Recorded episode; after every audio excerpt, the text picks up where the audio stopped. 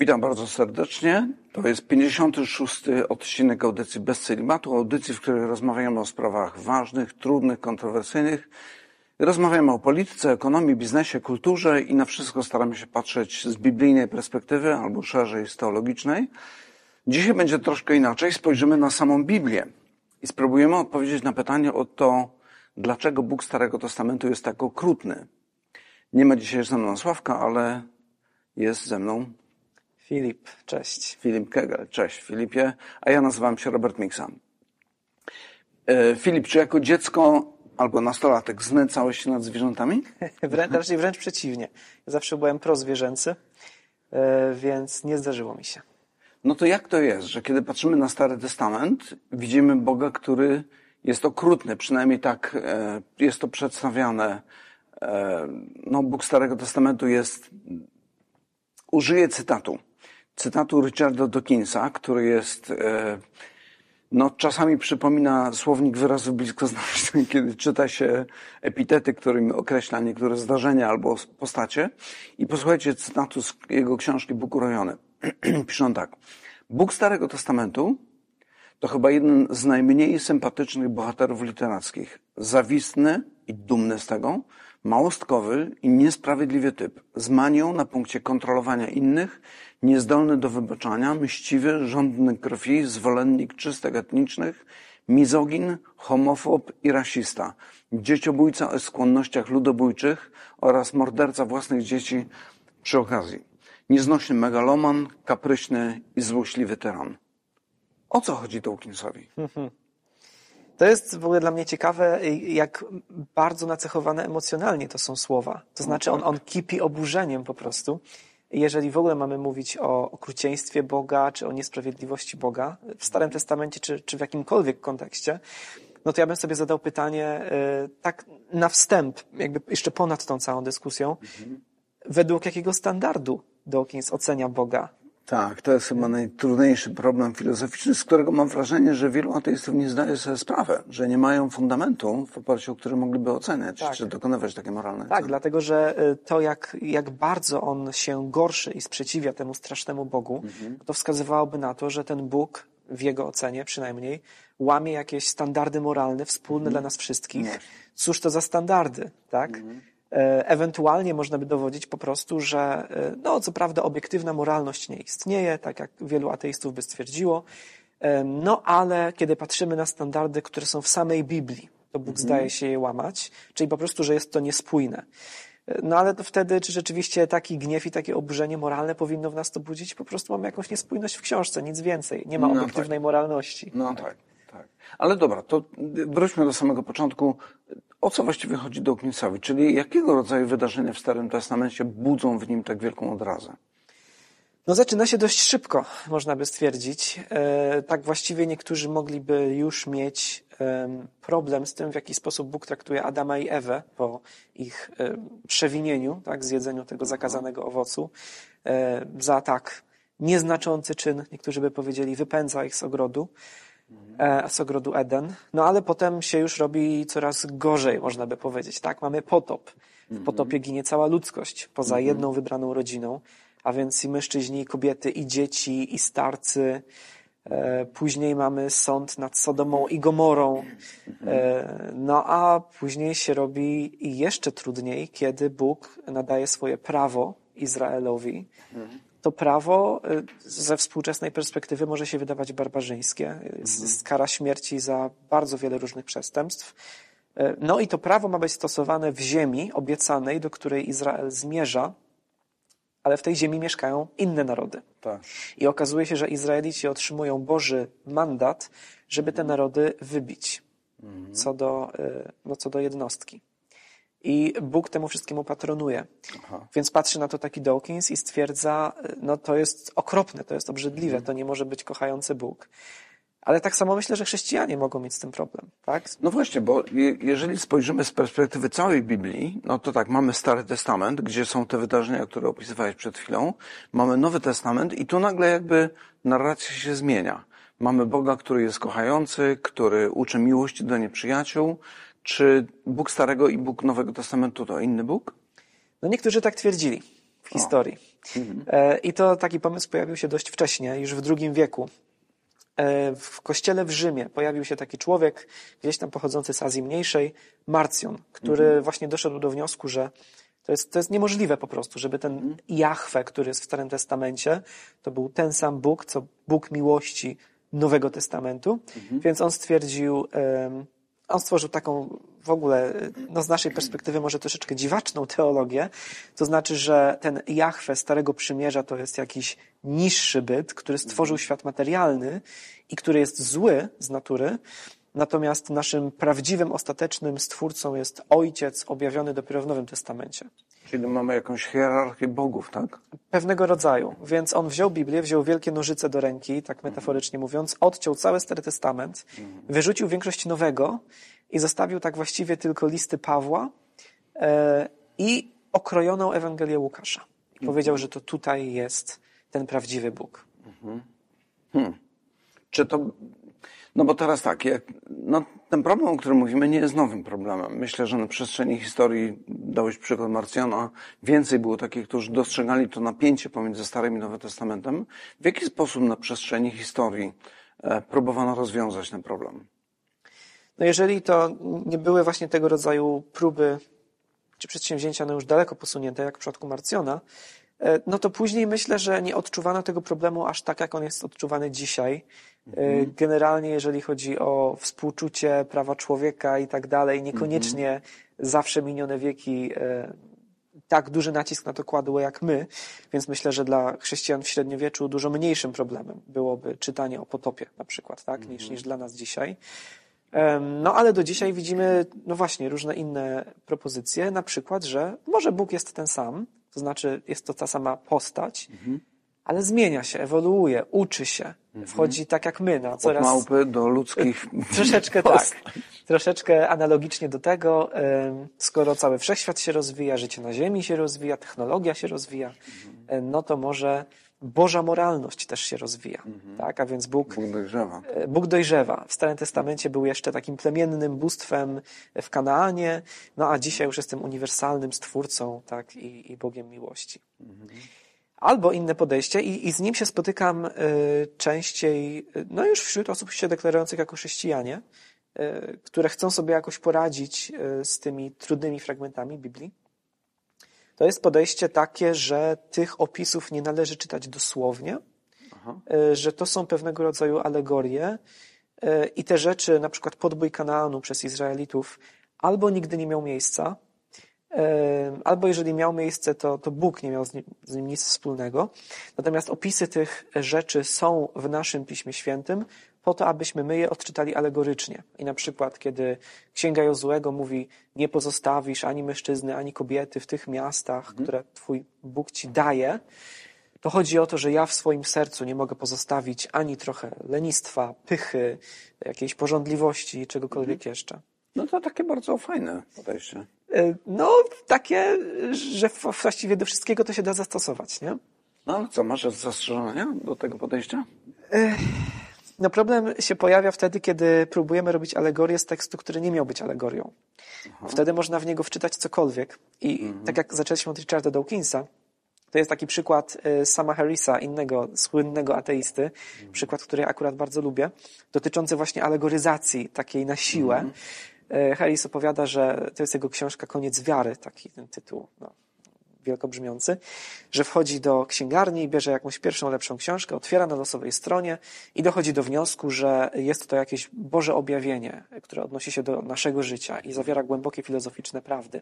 Okazuje się, że to jest książka kucharska. On otwiera na przepisie na jakieś tam danie azjatyckie, no i czyta, że trzeba tam wrzucić e, jakieś cztery kostki czy trzy kostki mięsa, e, troszeczkę porcji tam pora i czegokolwiek jeszcze. I mówi, no tak, kostka. Kostka ma trzy wymiary, długość, szerokość, wysokość. E, One są równe. To symbolizuje to, że powinniśmy poświęcać równie dużo uwagi rozwojowi ciała, umysłu i ducha i tak dalej. I dochodzi do absurdów.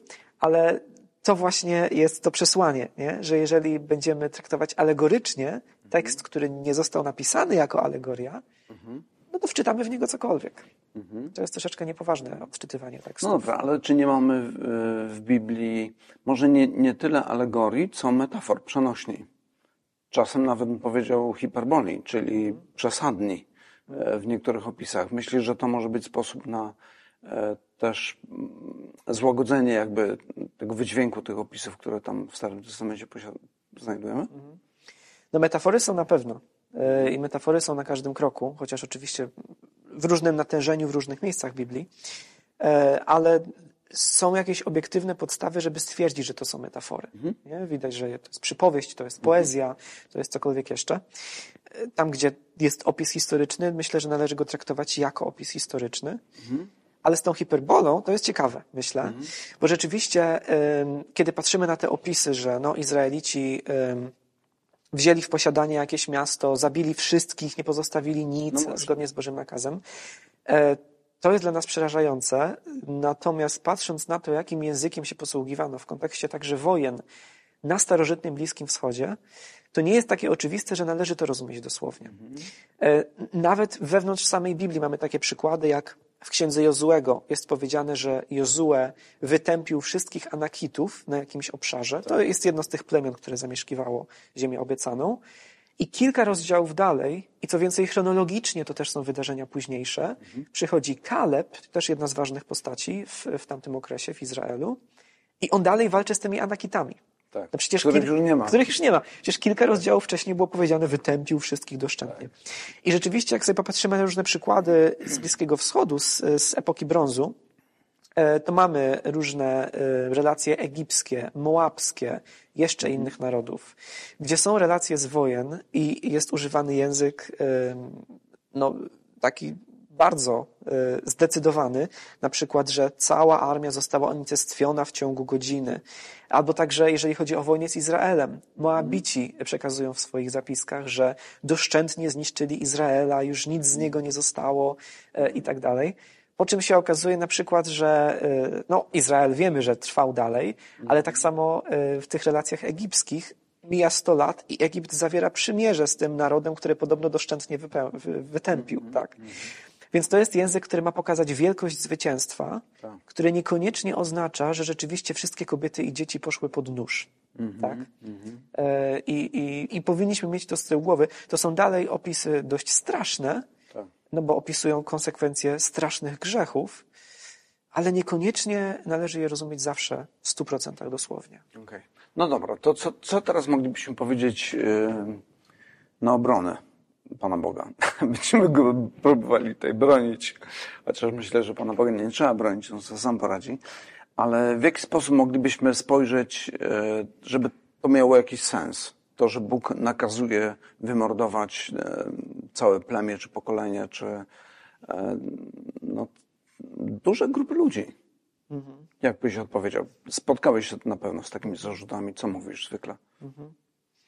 Ja bym wrócił do myśli, którą gdzieś tam sformułowałem na samym początku, e, że jeżeli e, podchodzimy do sprawy w taki sposób, że Biblia przedstawia jakieś standardy moralne i okazuje się, że Bóg nie jest im wierny, to znaczy, że widzimy jakąś e, wewnętrzną sprzeczność w Biblii, no to żeby oceniać, czy jakiś tekst jest wewnętrznie sprzeczny, to musimy wziąć pod uwagę wszystkie założenia na temat tego świata, które tam są przekazane. Nie?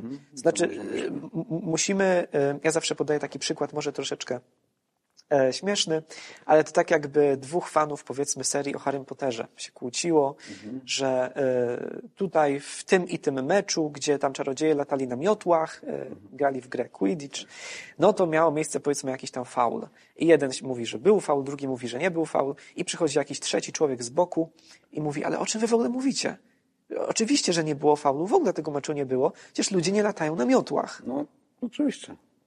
No więc, żeby oceniać wewnętrzną spójność czegoś, musimy wziąć pod uwagę założenia, nie? Które, które są w tej książce.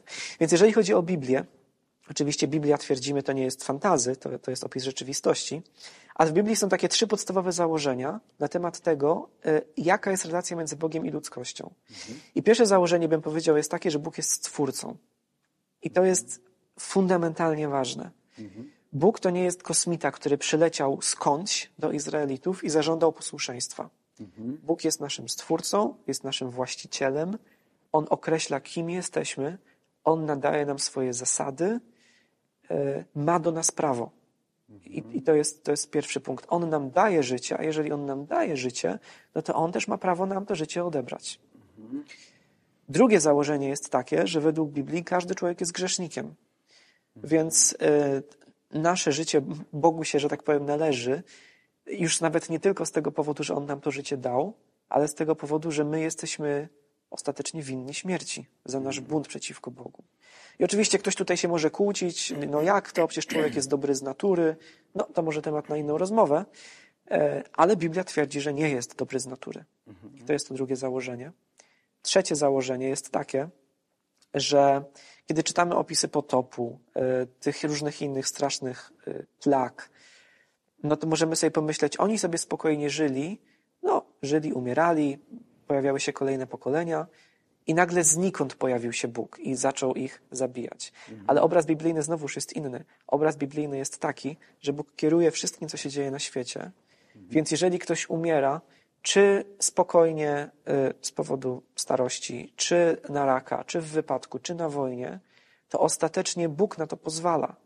To On czuwa nad tym wszystkim. Historia idzie do przodu w kierunku, który On wyznacza. Więc y, każdego dnia Bóg decyduje o życiu i śmierci każdego człowieka. Y, I te opisy, gdzie jest potop czy podbój Kanaanu, no są wyjątkowe pod tym względem, że mamy kary za jakieś konkretne grzechy, ale nie są wyjątkowe w tym sensie, że no, są po prostu kolejną sytuacją, w której Bóg decyduje o życiu i śmierci. Więc Bóg jest stwórcą i naszym właścicielem. My jesteśmy grzesznikami i zasługujemy, każdy z nas na śmierć. Tak czy inaczej, prędzej czy później umrzemy. I po trzecie, em, Bóg tak czy inaczej decyduje o życiu i śmierci każdego człowieka. Więc jeżeli te trzy rzeczy weźmiemy pod uwagę, y, no to tak, na przykład taki potop jest rzeczywiście wyjątkowym Bożym sądem, ale nie jest czymś obcym Bożej naturze. A czy nie powinniśmy wziąć pod uwagę jeszcze jednego elementu, czyli tego, co rzeczywiście działo się tam na terenie Kanaanu, w tych poszczególnych krainach, miejscach, plemionach? No bez wątpienia, to by się z tym drugim punktem wiązało, nie? Z tym grzechem. Aha. A, no tak, okej, dobra, kiedy, jeżeli byśmy to rozwinęli. Mhm. No bo z tego, co- z tego, co pamiętam, nawet opisy biblijne, nawet pozabiblijne opisy ostatnio znalazłem na stronie chyba BBC, na, e, informacje na temat Kartaginy i e, ofiarnictwa z własnych dzieci. E, ofiary były składane z własnych dzieci przez lud, które tam mieszkały, a wiemy, że Kartagina miała bardzo silne związki z Fenicją, która jest na terenie Kanaanu. Więc no, to nie jest tak, że to się działo tylko w jednym zakątku świata, ale te kultury nawzajem na siebie oddziaływały, no bo też następowały ruchy ludności. I z tego, co wiemy, w jaki sposób to się odbywało, Plutarch na przykład też opisuje niektóre takie zdarzenia, no to, to były rzeczy straszne, które nam się dzisiaj w głowie nie mieszczą. Kiedy on na przykład opisuje, że kiedy składano dzieci w ofierze, to część kapłanów odpowiedzialnych za tam bębnienie w bębny na przykład albo granie na jakichś instrumentach specjalnie grali ileś tam razy głośniej, żeby rodzice nie słyszeli płaczu czy krzyku tych dzieci, które były składane w ofierze. Więc to były rzeczy straszne. A później znajdujemy opisy na przykład w księdze w jednej z ksiąg ze, ze Starego Testamentu, chyba prorockich, kiedy Pan Bóg mówi, składanie dzieci w ofierze, czy tak zwane przeprowadzenie dziecka przez ogień, jest czymś, co nawet przez myśl mi nie przyszło, a wy zaczęliście naśladować ludy pogańskie. Więc to oburzenie ze strony Boga nie jest tylko pod adresem tych pogańskich narodów, ale tak samo tych narodów, e, tego narodu wybranego, Izraela, który w tym czasie miał szczególne miejsce. nie? Tak? tak, i z tym się wiążą dwie ciekawe rzeczy. Pierwsza jest właśnie taka, że ten podbój Kanaanu to nie, to nie były czystki etniczne. Tak? To No nie właśnie, było tak, to jest że. jeden z zarzutów, nie? Tak, e, i zresztą też o tym mówił Dawkins, tak? E, To nie było tak, że te narody były postrzegane jako zasadniczo gorsze, czy, czy, czy mniej ludzkie i dlatego należało je wybić. E, Dlatego, że po pierwsze, kiedy Izraelici wychodzili z Egiptu, było wiele osób innych na- narodowości także w tym, w tym potężnym tłumie. Czytamy o tym w, w tych księgach mojżeszowych, pierwszych na początku Biblii. Także później, jeżeli ktoś chciał się przyłączyć do na- narodu izraelskiego z inny, i z innych narodów, nie było żadnego problemu. Musiał oczywiście przejść pewien proces, ale stawał się częścią Izraela. Nawet jeżeli nie chciał się przyłączyć, ale mieszkał pośród Izraelitów, to prawo mojżeszowe mówi, będziesz go traktował tak samo jak e, no, swojego współbrata, Tubylców, tak? tak. Jak tubylców. Em, Więc mamy dużo takich fragmentów, e, które pokazują, że. No i właśnie to, co też chwilę temu wspomnieliśmy, że kiedy Izrael popadał w podobne grzechy, e, no to tak samo był karany. Ale druga sprawa, ciekawy fragment w tym kontekście jest w Księdze Rodzaju. Kiedy Abraham, e, czyli praojciec narodu izraelskiego, otrzymuje obietnicę między innymi ziemi, którą kiedyś otrzyma, to Bóg też mówi, że nie otrzyma jej od razu, że jego potomkowie będą niewolnikami w, innej, w innym narodzie, w innym kraju. To potem się dzieje w Egipcie. E, Ale Bóg mówi, dopiero czwarte pokolenie tutaj wróci, czyli dopiero czwarte pokolenie po Abrahamie otrzyma tę obiecaną ziemię. Dlaczego? Ponieważ dopiero wtedy dopełni się wina Amorytów. Tak. Czyli właśnie, no to jest takie w tym momencie zbiorcze określenie wszystkich mieszkańców Kanaanu. Więc y, to nie jest tak, że po prostu Izrael potrzebuje przestrzeni do życia, tak? I w związku z tym trzeba niestety, czy stety wybić te narody, tylko Bóg realizuje dwa cele w jednych wydarzeniach. To znaczy i daje Izraelowi obiecaną ziemię, ale z drugiej strony karze te narody, które doszły do takiego poziomu zepsucia, bałwochwalstwa, wyuzdania seksualnego, okrucieństwa, że Bóg po prostu mówi dość. Jest taki moment w historii, gdzie naród staje się tak zdeprawowany, że Bóg kładzie temu kres. I to się właśnie dzieje y, w Kanaanie za czasów podboju. Ciekawe, jak y, czytam te historie starotestamentowe o no, takim zdecydowanym działaniu przeciwko tym złym, upadłym, naprawdę zepsutym ludziom, to przypominają mi się różne filmy, które oglądam, czy to z Jamesem Bondem, czy jakimś innym super specjalnym agencie. I tak myślę sobie, wow, właściwie ta fabuła, którą oglądam, to przypomina mi e, wydarzenia biblijne. Znaczy tak, z jednej strony mamy złych ludzi, którzy mają fatalny wpływ na resztę e, czy znajomych sąsiadów, czy mieszkańców miasta, czy nawet świata. I myślimy sobie, jejku, jak dobrze byłoby, żeby tych ludzi nie było. Że niech ktoś coś zrobi z tym, nie? I potem pojawia się taki James Bond albo typ Jamesa Bonda, ktokolwiek, bo ten nie był, bo tych postaci już teraz w świecie filmu i książki jest dość dużo. Ktoś, kto jest de facto rodzajem zbawiciela, który przychodzi i kładzie kres temu złu. I kiedy oglądam ten film i tak w napięciu patrzę, uda mu się, czy mu się nie uda, uda mu się, czy mu się nie uda, i w końcu mu się udaje i myślę sobie, wow, nareszcie. I kiedy, kiedy myślę o tym, to myślę, że to jest takim odbiciem tych tęsknot, które są w naszej duszy, które są wpisane, myślę, że w naszą naturę i w historię ludzkości w ogóle, która gdzieś tam znajduje jakieś takie e, swoje odbicie w, na, w naszym sercu, kiedy my z, z utęsknieniem czekamy na ten moment powtórnego przyjścia Chrystusa, który raz na zawsze położy kres złu.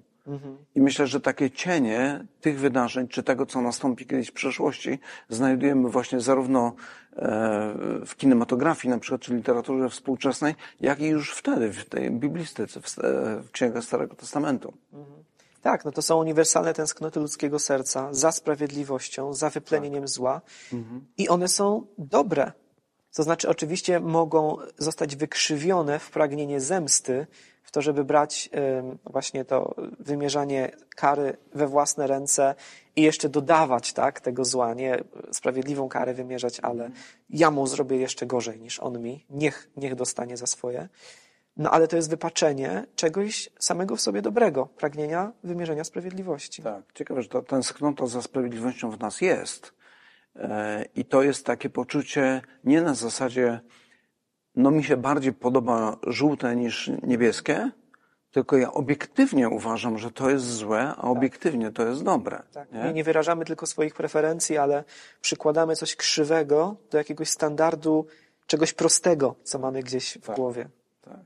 No to jest, to jest, dla mnie też ciekawe jest, w jaki sposób ateizm próbuje uciekać od tego poczucia tego, że moralność jest czymś obiektywnym, em, jakby obracając to wszystko przeciwko Bogu, przeciwko chrześcijaństwu, przeciwko Biblii, podczas gdy de facto Biblia wprowadza e, pewne standardy, pewien sposób myślenia, który my uważamy tak, to jest ta linia prosta. Gdzieś podświadomie, nie przyznając się do tego, że ja wierzę tak, jak Jezus mówił, że należy miłować nawet nieprzyjaciół, albo e, tam postępować, postępować w jakiś prawy sposób.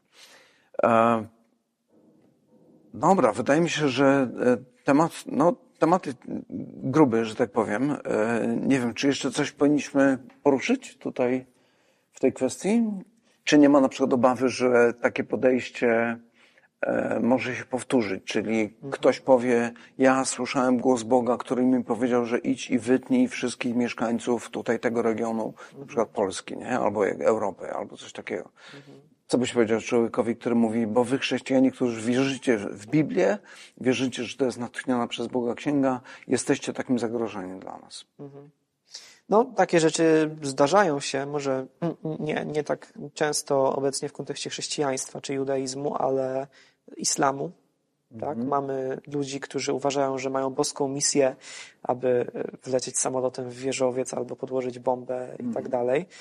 Natomiast trzeba zrozumieć podstawową rzecz, e, że sama Biblia e, to niekoniecznie jest w każdym miejscu podręcznik postępowania, w tym sensie, że mogę otworzyć sobie na dowolnej stronie i stwierdzić, o, to ja dzisiaj zgodnie z tym będę postępować. I jest taka y, książka ciekawa, Rok biblijnego życia, w której pewien dziennikarz stara się po kolei wszystkie przepisy wprowadzać w życie, co jest w dzisiejszych czasach niemożliwe, po prostu z różnych względów.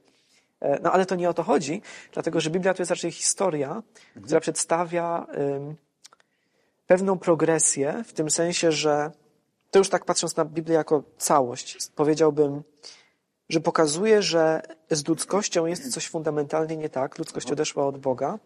I teraz Stary Testament przedstawia różne sposoby, różne próby, e, które mają prowadzić do tego, żeby ludzkość mogła się na nowo z Bogiem połączyć, na nowo mhm. być w, w przymierzu, w więzi z Bogiem.